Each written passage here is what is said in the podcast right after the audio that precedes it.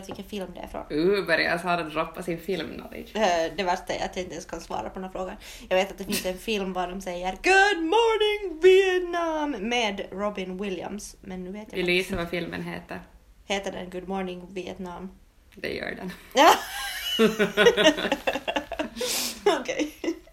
Så. Yes. Hördu, jag ska spela upp någonting hysteriskt roligt åt dig. Nej, det där klipper jag bort. Jag ska, jag ska spela upp någonting roligt åt dig. Kör. Eh, jag har lyssnat lite på våra gamla poddar och sen hittade jag den här pärlan. Och det är ganska roligt när man jämför med var Sara sitter i livet just nu. jag tror jag vet vilket klipp det är.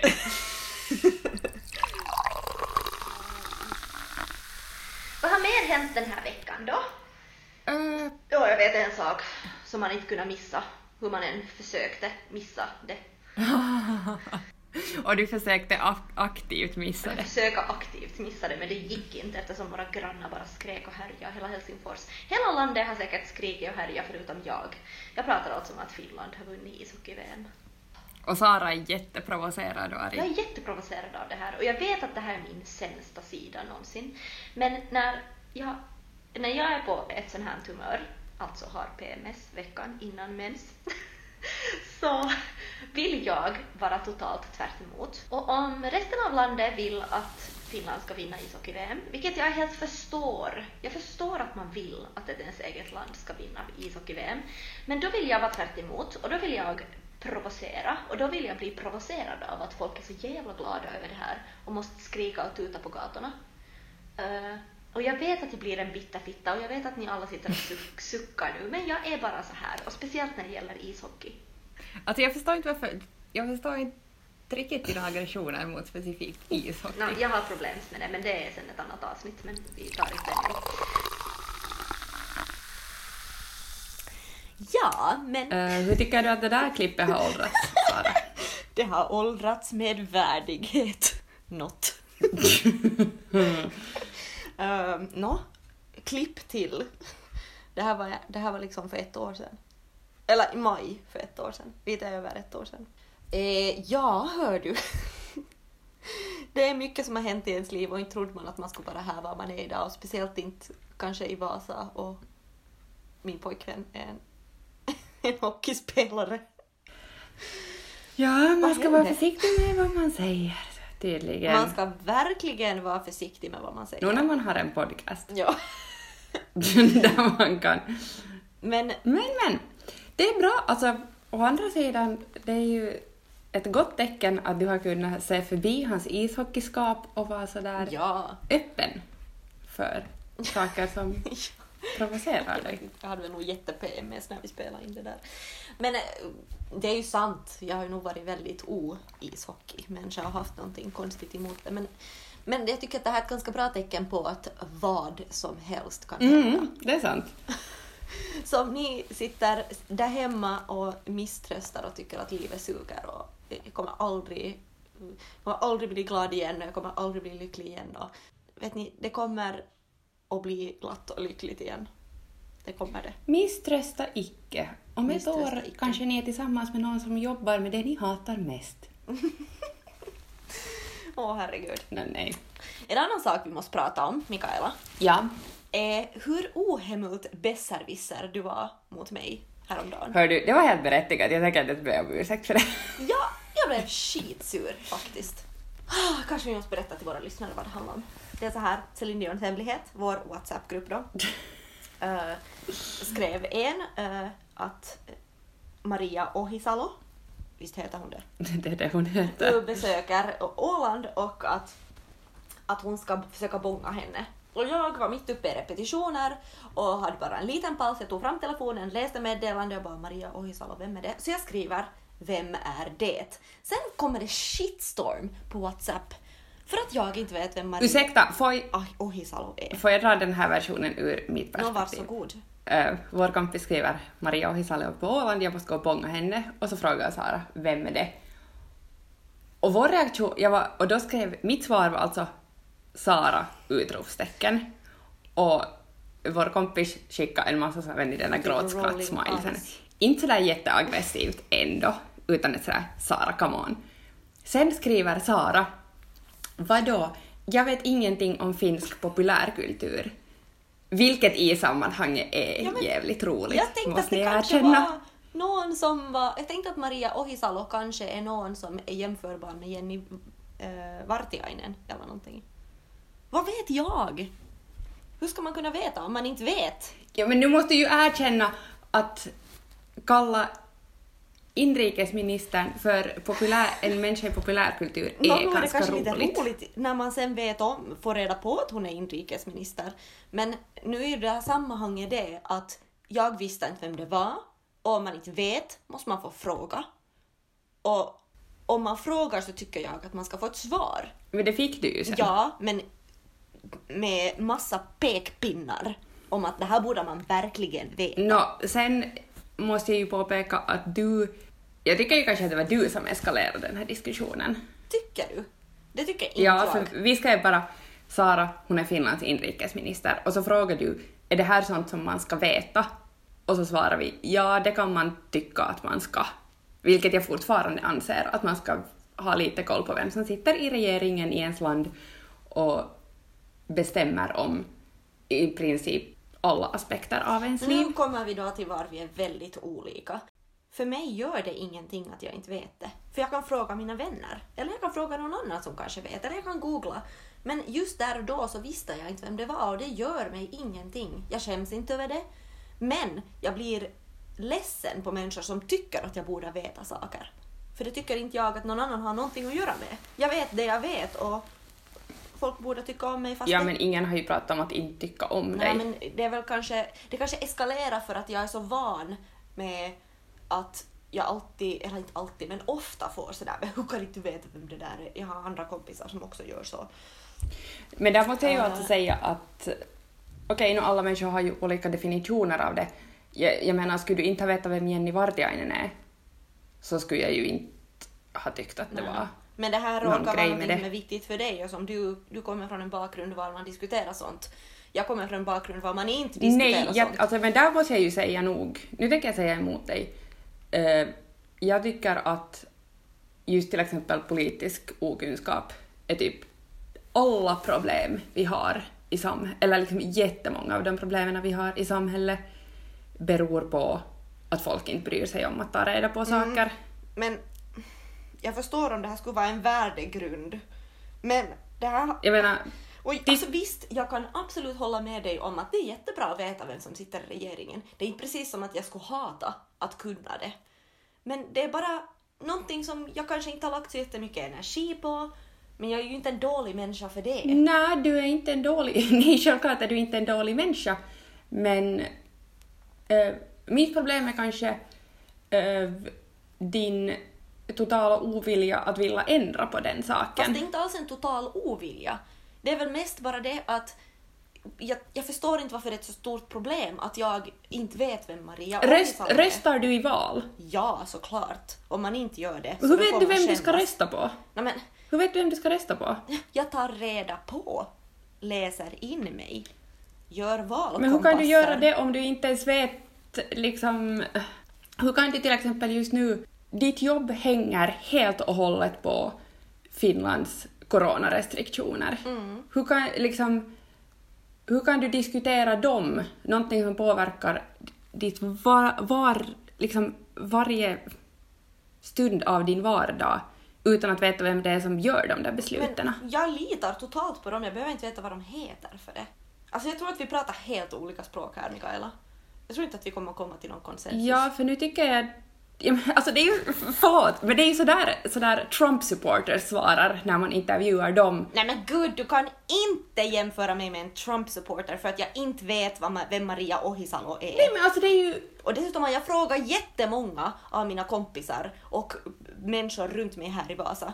De vet inte heller vem Maria Ohisalo är. Jag tror vi får bara sluta den här diskussionen och ta veckans ohemult här istället. På tal om veckans hemult och ohemult. Veckans hemula för mig är, och jag, med risk att jag upprepar mig, men det kan vara så att jag redan har sagt att det här är en hemulsak någon gång i början av vår poddkarriär. Men jag har tittat på eh, serien Midnattssol igen. Den har kommit till Netflix. Vad är det för serie? Och den är så sjukt bra. Vad sa Vad är det för serie? Vad handlar den om? Det är en, det är en kriminalserie som handlar om eh, olika mord som sker uppe i Kiruna, vid gruvan, när staden ska flyttas. Och det är en, då en teori om varför den ska flyttas. Att luras, luras liksom staden. Att behöver den faktiskt flyttas? Och sen när det handlar om samekultur och ja, samekultur och samehat, rasism. Mm, Gustav Hammarström, eh, vet vem han är? Nej, Jättebra skådis. okej. Eh, och där är Peter Stormare och det är en fransk-svensk produktion så det är liksom ett jag tror att jag- ja, ja, jag tror att- Frankrike och Sverige. Gick den, gick den på Yle någon gång? Det kan hända att den har gjort. Den är så jättebra gjort och det är gjord och det är jättebra manus. Eh, och just nu finns den på Netflix så jag skulle, Okej, jag nice. skulle faktiskt rekommendera den. Tack för tipset. Mm, och det är sådär, man kan inte riktigt slita sig från den. Dessutom är det jättefina bilder, alltså sådär, Mm. vet du, sådär landskapsbilder. Man blir riktigt hemul inombords. Okej, och sen min ohemula är mitt hår. Ehm, jag hade ju igår spenderat tid för att springa på stan och söka produkter för att försöka få bot på mitt hår. Jag har alltid haft jätte så här, tunt och sprött hår. Det går av och det är torrt. Har det blivit värre nu då? Eller? jag tycker att det har gått av, även fast jag försöker, jag, jag försöker, jag plattar mitt hår och lockar mitt hår kanske max tio gånger per år. Vet du, det är typ bara vid speciella tillfällen.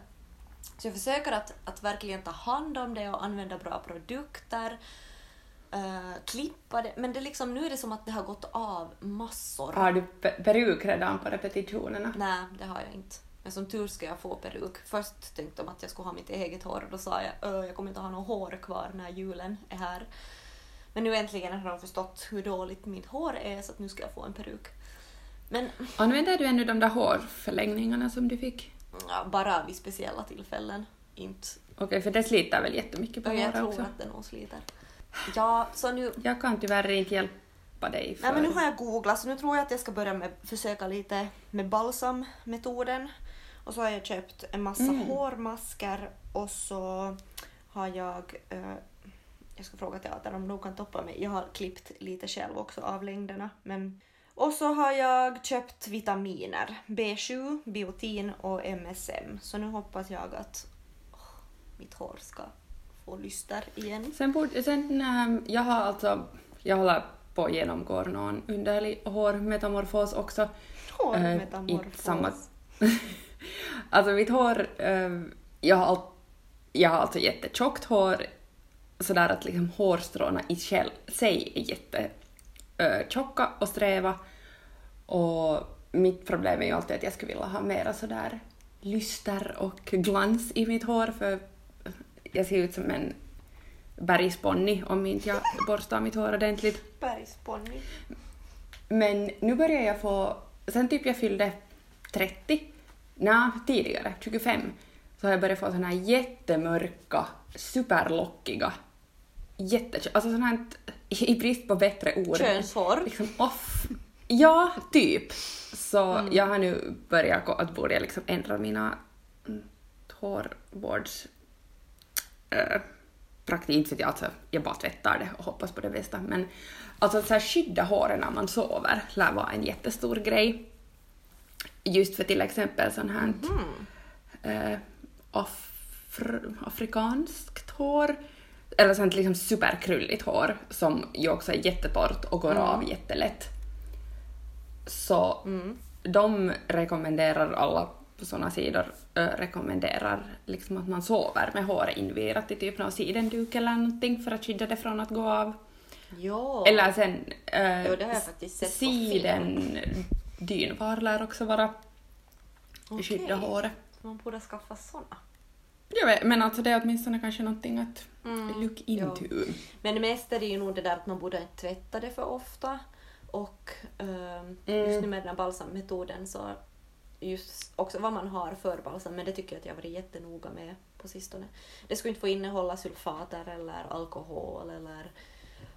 Ja, jag måste försöka läsa mig in på det där. Jag börjar på mission Rädda mitt hår. Om det är någon som har något tips på hur man fått styr på sitt spröda, torra hår som går av så skicka gärna in till skumpapodden gmail.com eller DMa oss på Instagram. Please send help. Jag har igen... eh, jag har nu kombinerat min hemula och ohemula och det här blir nu igen en sån här Mikaela filosoferar. Shoot. Jag började lyssna på en jättebra ljudbok som eh, oftast rekommenderar jag alltid att man, liksom- eller jag tycker ju om att läsa, jag är inte jätteförtjust i ljudböcker. Men det här ska jag faktiskt rekommendera att man lyssnar på ljudboken för det är författaren själv som läser den och hon har den behagligaste rösten jag kanske någonsin har hört. Det är alltså Dr. Robin Wall Kimmerer, kanske? Eh, som hon är professor i ekologi uh, någonstans i USA. Eh, men hon är också alltså indigenous, alltså hör till ursprungsbefolkningen. Och hon, den här boken som jag lyssnar på heter Braiding Sweetgrass och handlar jättemycket om, alltså det är en sån här blandning tankar kring vetenskap och kunskap och identitet Mhm. och hur hon som har en jättestark koppling till sin kultur, Ja. eh, mycket som hon har måste bygga upp som vuxen eftersom hennes farföräldrar i USA hade de det här som man har gjort på typ alla ställen i världen, alltså att man har kidnappat de här ursprungsbefolkningens barn och satt dem typ i internatskolor för att tvinga dem bli civiliserade. Herregud. Ehm, så de har liksom tappat sitt språk och, och hon har sen i vuxen ålder börjat lära sig det här, vad är det, padawan? Pa, mm, nu får ni ursäkta att jag inte kommer ihåg helt vad, vilken sådär stam hon hörde till. Men anyways, äh, så hon, och just i och med att hon är, äh, hon har doktorerat och jobbar som professor på universitet och faktiskt har en jättestark så här vetenskaplig bakgrund äh, samtidigt som hon har en jättestor respekt för den liksom kunskap och, och den relation till naturen som, som hennes folk då har.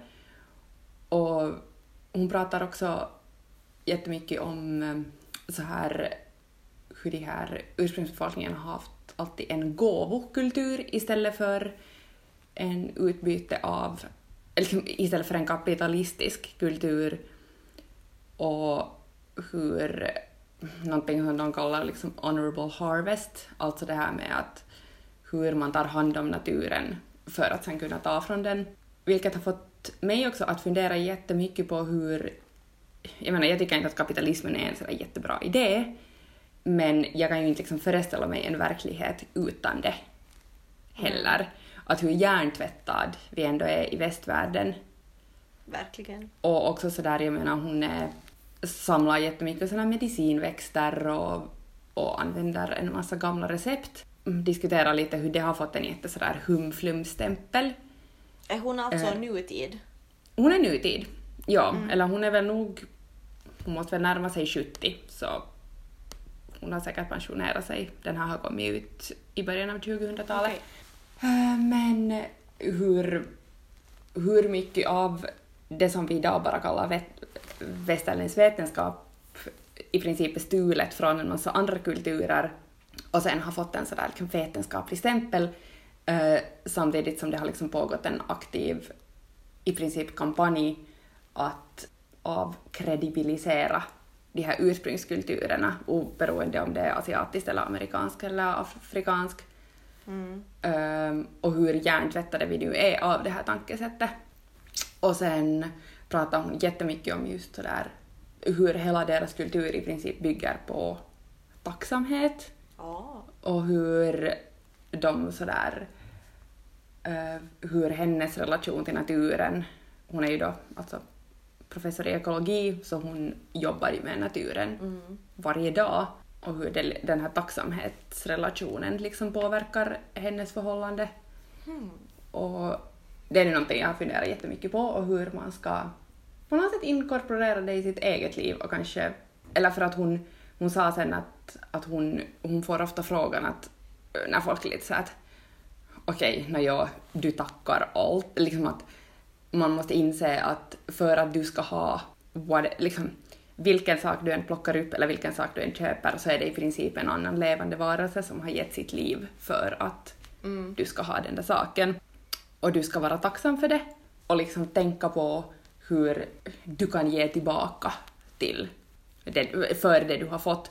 Och så är folk alltid sådär, okej, okay, no, att vem har nu tid att gå och tax vara tacksam för allt? Liksom att, klart man ska vara tacksam, men när jag köper ett par bomullsunderbyxor så inte, liksom, vem kan vara tacksam för den ena bomullstyssen som någon har plockat? No, men klart man ska vara. Ja, och då var hon sådär att är det då inte ett tecken på att du har för mycket om du inte klarar verkligen. av att vara tacksam för varenda mm, enskild sak. Så det är nu någonting jag ska fundera på mm. lite. Var kan man lyssna på det här om man vill lyssna på Uh, där ljudböcker. Braiding Sweetgrass. Braiding Sweetgrass. Där ljudböcker finns antar jag. Jag har Next Story. Det är väl kanske den dyraste jag är rädd för. Men den har också mm. mycket så gamla grejer. Men okay. de flesta av dem har ju sådär, vet du, testa en månad gratis eller Precis. någonting. Braiding Sweetgrass mm. av Dr. Robin Wall Kimmerer. Okej, okay, ska vi prata om veckans tema? Kör hårt. Idag ska vi prata om... Uh, är det här ett flummigt ämne? Jag vet inte. Men, jag tror att det är ett ganska flummigt ämne. men jag tyckte, eller när vi diskuterade det här så, och du, det var du som kom på det, så var jag såhär, ja men det här är ett jättebra ämne för det här diskuterar man inte så mycket kanske. Men det är någonting som finns i vardagen, sådär befintligt ganska. Mm -hmm. Det ligger där liksom. Prydhet. Är du pryd? Jag har vissa pryda tendenser. Okay. Men eh, för mig är det en definitionsfråga. Jag definierar mig kanske inte som pryd, men privat. Precis. Mm. Uh, när man tittar på när man tittar på definitionen av det på engelska, prudish, så står det If you describe someone as prudish you mean that they are too easily shocked by things relating to sex like or char characteristics of a prude, too modest or proper. Och då tänker jag genast med den här första, att shocked by things related to sex. Så jag tycker inte alls att prydhet alls bara har med sex att göra. Jag tycker att man kan vara pryd uh, med jättemycket andra saker också än bara sex. Eller vad tycker du? Uh, ja, men jag tycker nog att det har sådär uh, med kroppen att göra på något sätt. Mm, kanske. Ja. Att, jag har inga belägg för det här, men det känns som att pryd har vissa sådär liksom religiösa konnotationer. Att det är liksom det som typ Gud inte velat att du ska visa. så har jag aldrig tänkt, men jag tillhör inte kyrkan heller så. Men, nej, ja. alltså, nej men, men jag menar sådär att att det är det som jag menar med kroppen, att sådär nakenhet och kroppsfunktioner och sånt mm. Att pryd är liksom det som skulle ha chockat en 1800-talsmänniska på något sätt. Ja, antagligen. Mm. Ja, det är faktiskt ganska bra. Så prydhet är alltså ett inlärt socialt mönster? D in, ja.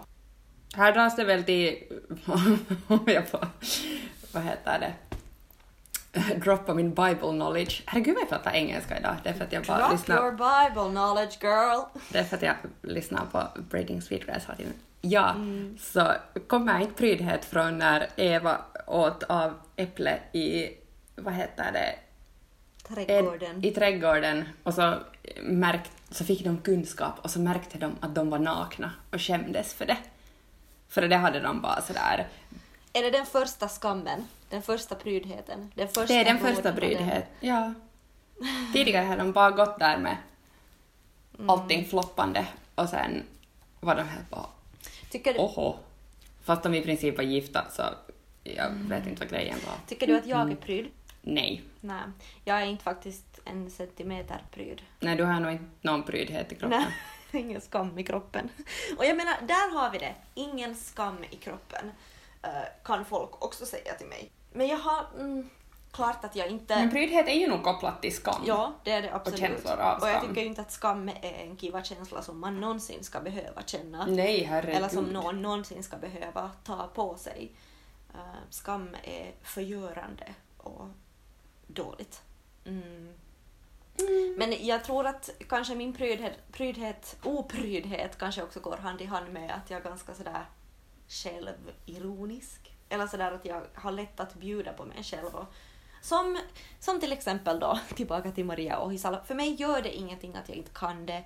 Eller, jag Fast du bjöd ju nog in på dig själv Ja, men där. vi går inte in på det där igen. Men sådär att jag liksom, jag har, för det spelar inte så stor roll för mig om inte allting är så propert och jämnt. Vet du. Jag liksom, Mm. jag är ganska sådär, men det kan också göra människor obekväma. Eh, till exempel, jag har ju inga problem med att byta om framför någon, vem som helst, okänd människa.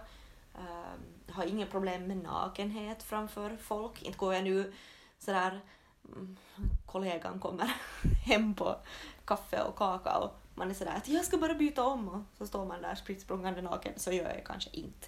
Men om jag känner mig bekväm med någon och ändå känner den rätt väl så har jag inga problem med att vara naken med den till exempel. Mm.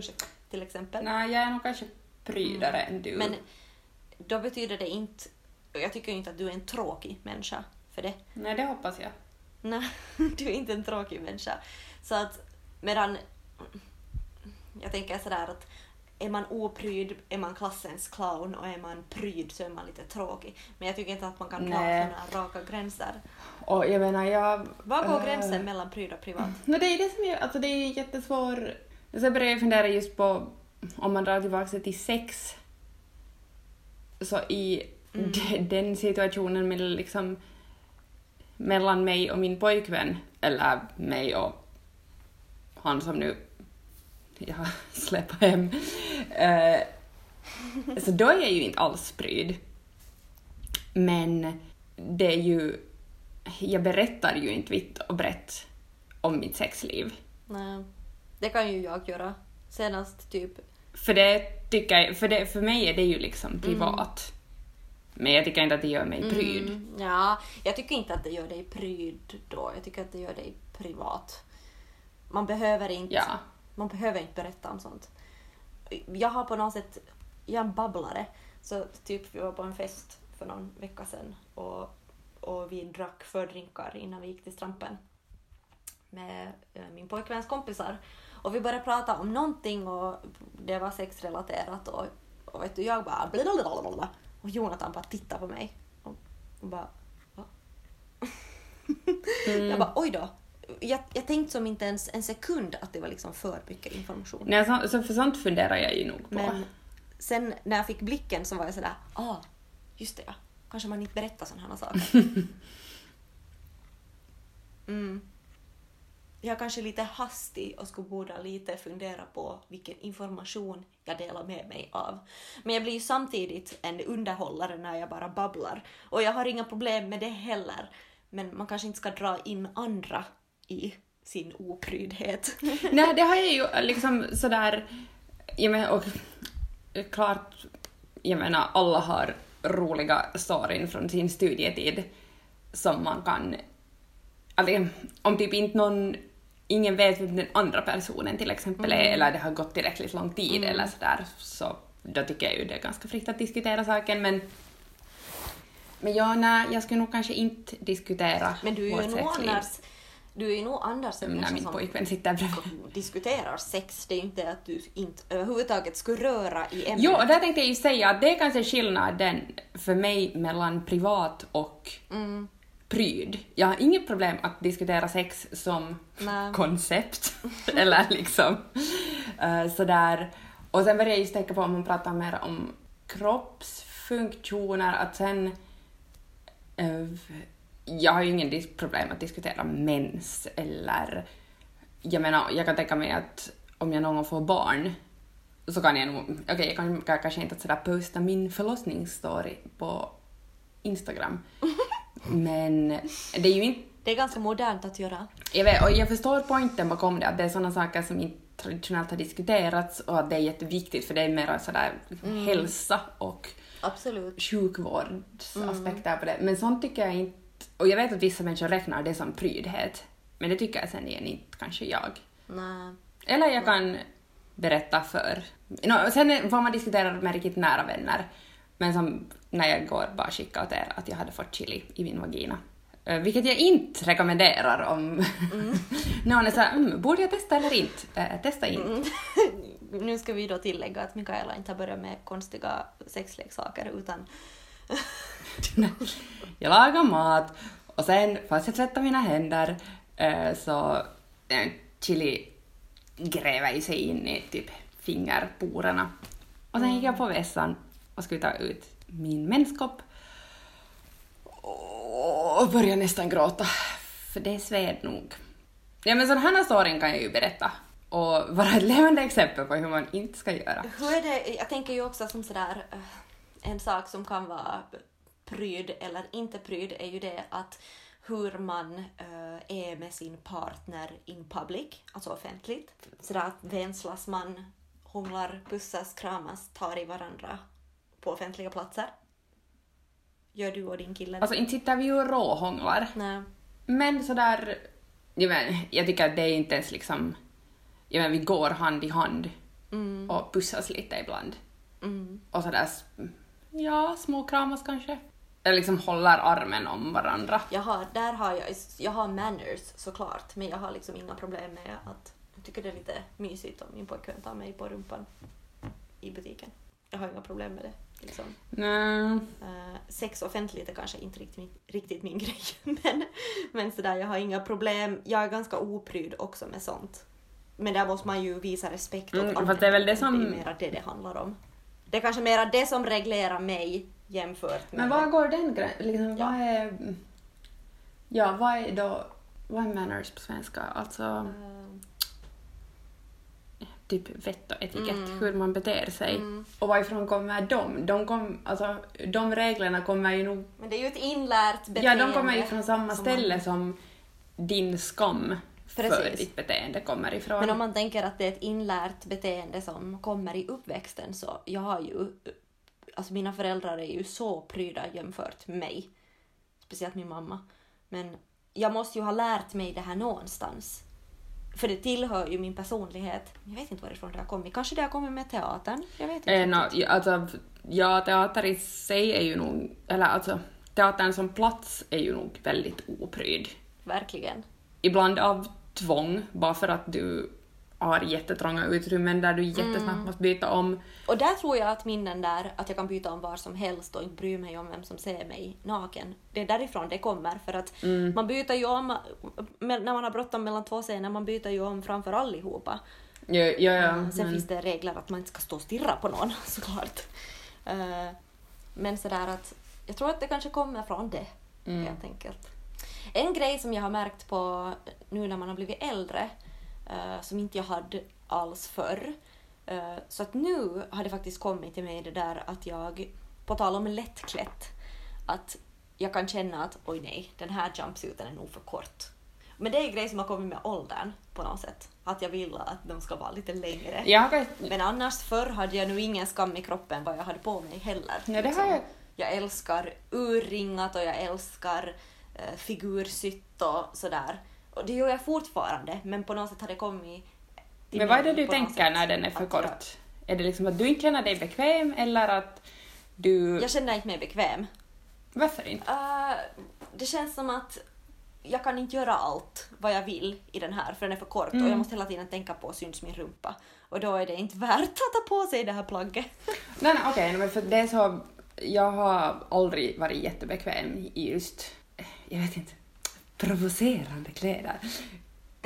Vilket laddat uttryck. Nej men sådär, eh, jag har aldrig tyckt om så kort att jag inte kan bara böja mig hur som helst. Nej. Eller, eh, nej jag tycker inte om tajta kläder överhuvudtaget för det klämmer och är Ja, sådär. obekvämt. Jag skulle ju helst bara gå klädd i en lång kaftan.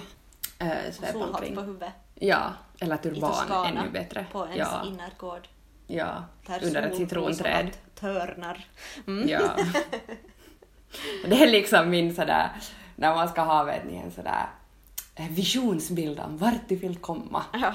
Det är min visionsbild. Mm. Nåja, men uh, urringat, uh, urringat är kanske någonting där jag nog erkänner att jag är lite påverkad av eller alltså jag är ju säkert omedvetet påverkad av jättemycket just sådär, vad är propert? Mm.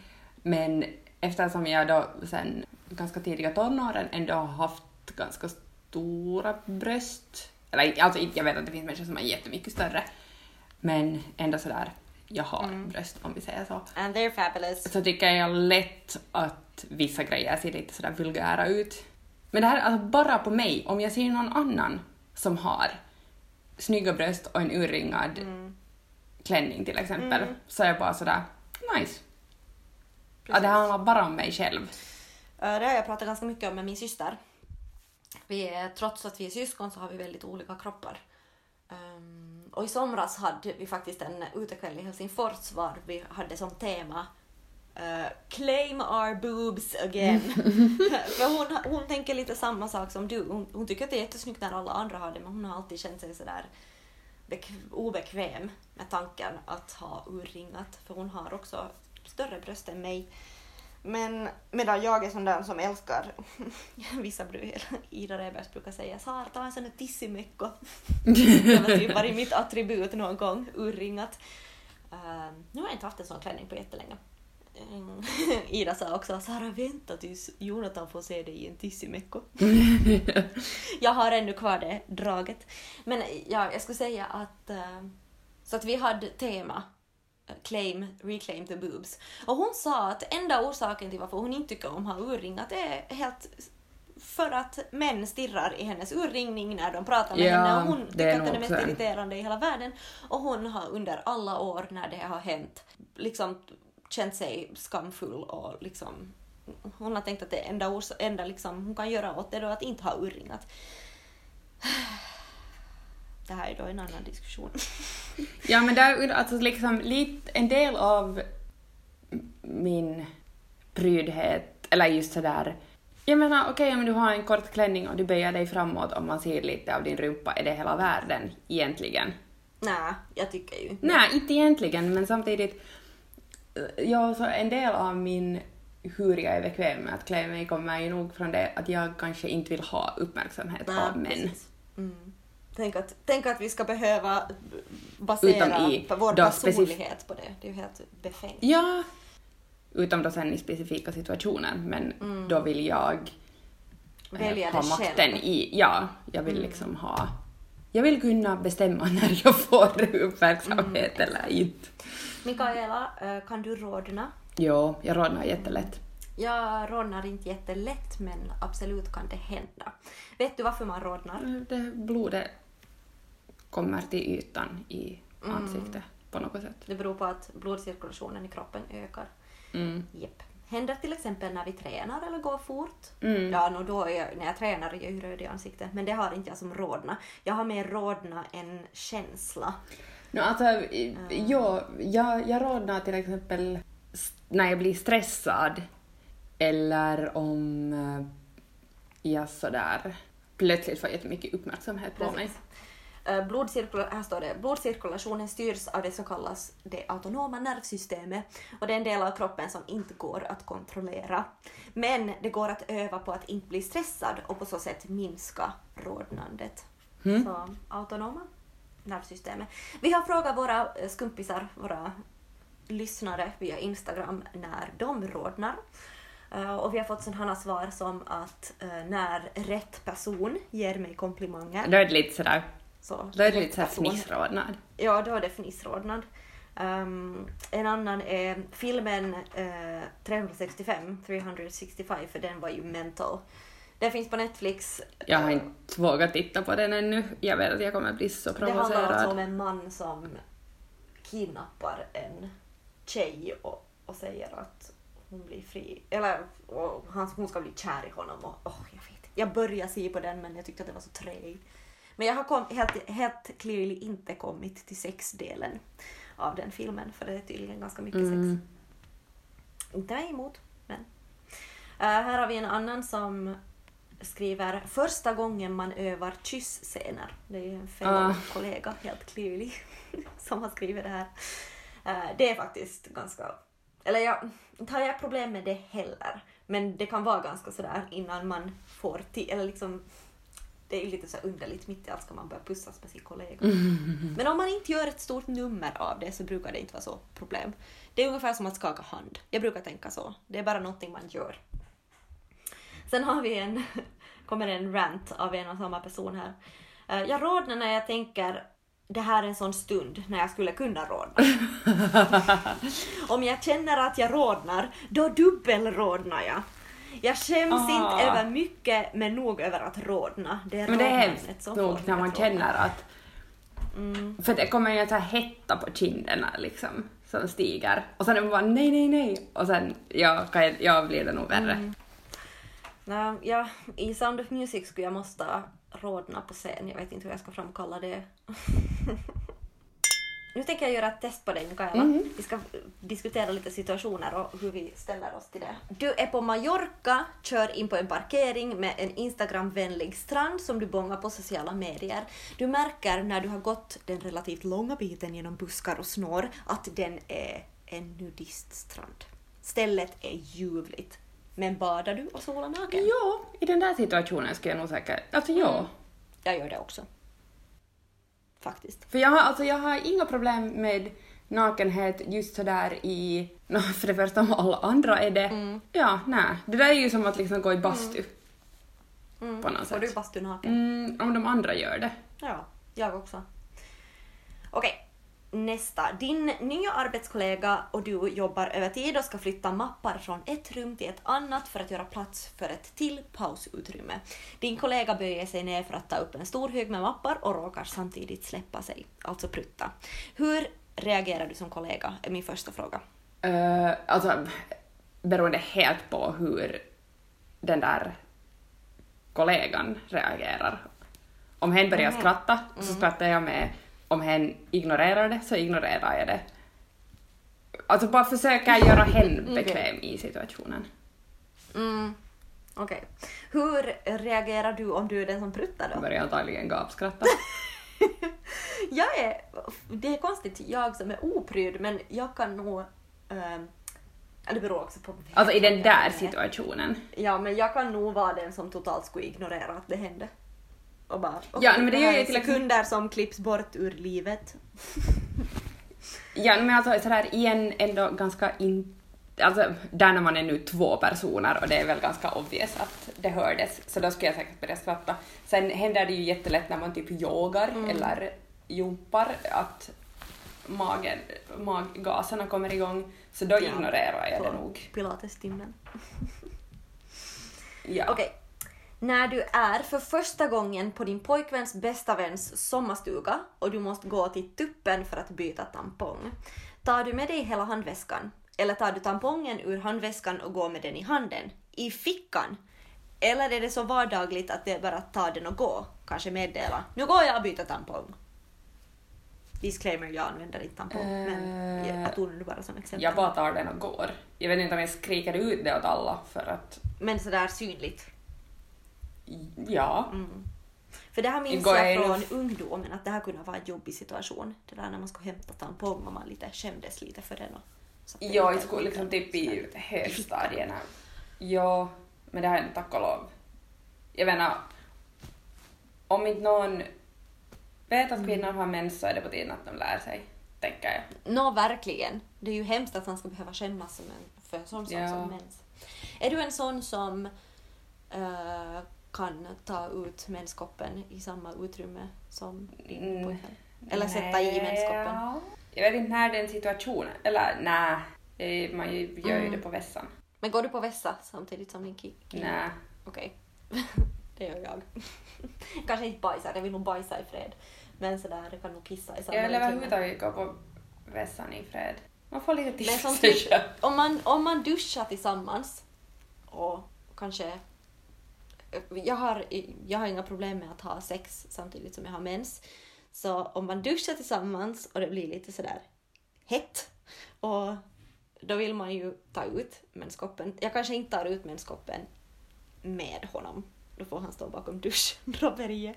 Men uh, sådär efteråt så kan jag nog som lägga in den Nej, och han står där i duschen med mig. Jag har inga problem med det. Och, Jag vill absolut inte ha sex när jag har mens för att nej. eh, Men det där är ju också jätte... allt är ganska ömt om vi säger så. Mm. Ja, no, jag tänker sådär, vi var ju, kommer nu inte nu på en situation där det skulle vara jätteaktuellt just för att jag gärna går på vässan i fred. Jag, jag menar, jag vill ju inte sådär, okej, om man är med kompisar på baren så har man ju gått på vässa tillsammans. Mm. Men annars, ja min, sen jag skaffade min katt så har jag ju inte fått gå på vässan ensam många gånger. För hon ska övervaka. Eh, Men Precis. sådär annars, Mm. mm. ja. Nej, det, vad, ska, vad har han där att göra? Han liksom? behöver inte ha någonting där att göra. Uh, Okej, jag tar nästa. Du ska visa semesterbilder från roadtrippen till Vimpeli och till dina föräldrar. Du vet att det i ditt bildbibliotek kan finnas nakenbilder från sextandet med din dejt. Du, måste, eh, du minns bara inte riktigt var i flödet bildflödet de är. Och du kommer på det när dina föräldrar och du redan sitter bredvid varandra i soffan, alla med ögonen på din telefon. Hur tar du dig ur den situationen? Mm. Ja. Eh, det är en kniviger. Det är en knivigar. Jag kanske skulle säga någonting. Jag skulle inte jag skulle inte kunna ta den risken att det första jag tar upp och så är det någon Nej, det- sån nej, det skulle jag sådär, inte. "Äh, jag måste gå på vässa först kommer jag på. Så ska jag gå på vässa så ska jag leta fram de Ja. där vimpel Ja, jag skulle nog också. Men till en annan fråga, vågar du, eller vågar man sexta? Um, Eller alltså, vadå våga? Brukar man? Kan man? Vill jag man? nog tycker att det handlar om att våga också eftersom det är ju nog... Jag tycker nog att det är någonting man ska vara jätteförsiktig med. Mm. För no, framförallt kanske ännu personer yngre än oss. Så de, de där bilderna används ju nog fel. Ja. Och folk blir ju horribelt uthängda och mobbade och jag menar om det finns ett sånt ord som revenge porn så där då män, surprise surprise, äh, lägger ut bilder på sina ex på porrsidor. Mm. Äh, Så jag tycker nog att det är någonting man ska fundera på och vara jätteförsiktig med. Mm. Typ, jag hatar att vara eh, en bitter gammal tant, men det spelar ingen roll hur ljuvlig han är, man ska inte lita på. Äh, eller alltså sådär, ja men skicka, skicka inte bilder som du inte... I, som i värsta fall kan ses av alla. Nej. Om du är helt fine med det så kör hårt. Eh, jag är ju inte på det viset kanske en viss... Jag menar, jag diskuterade det här uh, dickpics med min mamma faktiskt. Oj! För vi är båda helt sådär, nej men när det diskuteras att det ska väl nu, de ska försöka kriminalisera det. Åh, vad bra. Eh, sådär när män skickar liksom oinbjudna Utan dickpics. att man vill det. Ja, och jag menar det gör... En bild på en penis är sådär... What? Jag, vet, jag tänder överhuvudtaget inte på det. Det gör liksom Nej. ingenting för mig. Penisen i sig gör inte någonting för mig heller. Om den sitter på den människa som jag älskar Det så bästa behöver beskriv- jag nog lite mer än en dickpic för att gå igång. Verkligen. Men Ja, det var just det som jag menade, att, att sådär... eh, Jag, jag får liksom ingenting ut av att sexta med bilder. Nej. Nej. Men den bästa beskrivningen, det här är för mina old crazy old cat ladies som jag, som jag läste en beskrivning av att någon skickar en dickpic som när din katt hämtar hem en död mus. Mm. Och jag är sådär, titta vad jag har fångat. Så en dickpic är samma, man är bara sådär, ja, jag förstår att du är jättestolt, men ehm, nu kommer jag att ta en spade och föra ut den här och gräva ner. Tack så mycket. Good one. Nu kommer den sista. Mm. Jag har lite bråttom här för jag måste springa till jobbet. Men du får svara kort. Du är däremot en sextare, vet jag. Jo, men vi tar det i ett annat avsnitt. Det regnar och du är på sommarställe med dina föräldrar eller kompisars föräldrar eller dina svärföräldrar. Ni tittar på film, glatt ovetande som att filmens regissör har dragit ur ut på momentet som ska komma. En renodlad, renodlad sexscen med detaljer. Dessa tre minuter som lagts på sexet på filmduken känns som en timme. Tittar du? Tar du fram telefonen? Kommenterar du? Eller låtsas du som ingenting? Snabb. S- snabbt svar. Här beror det igen på helt hur de andra reagerar. Mm. Om, alltså, jag blir mest pinsamt berörd av att andra människor är pinsamt berörda. det är liksom det som jag har svårast att hantera i Ja. alla situationer som har med liksom skam att göra. Om jag märker att någon annan skäms eller blir pinsam, känner sig pinsam, så har jag jättesvårt att Mm. Jag blir det. snarare, om någon annan känner sig pinsam så vill jag liksom göra det opinsamt så då börjar jag med min oprydhet bjuda på en massa saker om sig själv så att de inte ska behöva känna sig pinsamma. Ja, ibland är det så, ja, i en sån här situation, så till exempel om man märker att de andra skulle vara här sådär, åh herregud, och ta fram sin telefon, så skulle jag kanske inte kommentera det. Nej. Men om någon annan är Nej, ju sådär, oj då, det här var ju mycket, så är man så liksom, du. Det beror jättemycket på, Då kan jag ju snarare tycka att det blir mer pinsamt om någon börjar kommentera det. Om man bara tittar på det som man tittar på det så då är det liksom... ja, jag vet inte, Ja, det är svårt att säga. Och titta på porr tillsammans. det är svårt att säga. Mikaela, jag måste springa till jobbet nu. Jag blir försenad annars. Ha en trevlig Tack. arbetsdag. Det här var näst sista avsnittet på säsong fyra. Tänk det. Ja, Nästa vecka ska vi prata om ålderskrisande punkt Ooh. två. Back to basics. Back to basics, verkligen. Tack för idag, ha en jättebra arbetsdag. Du också. Puss hej. Okej, puss, hej!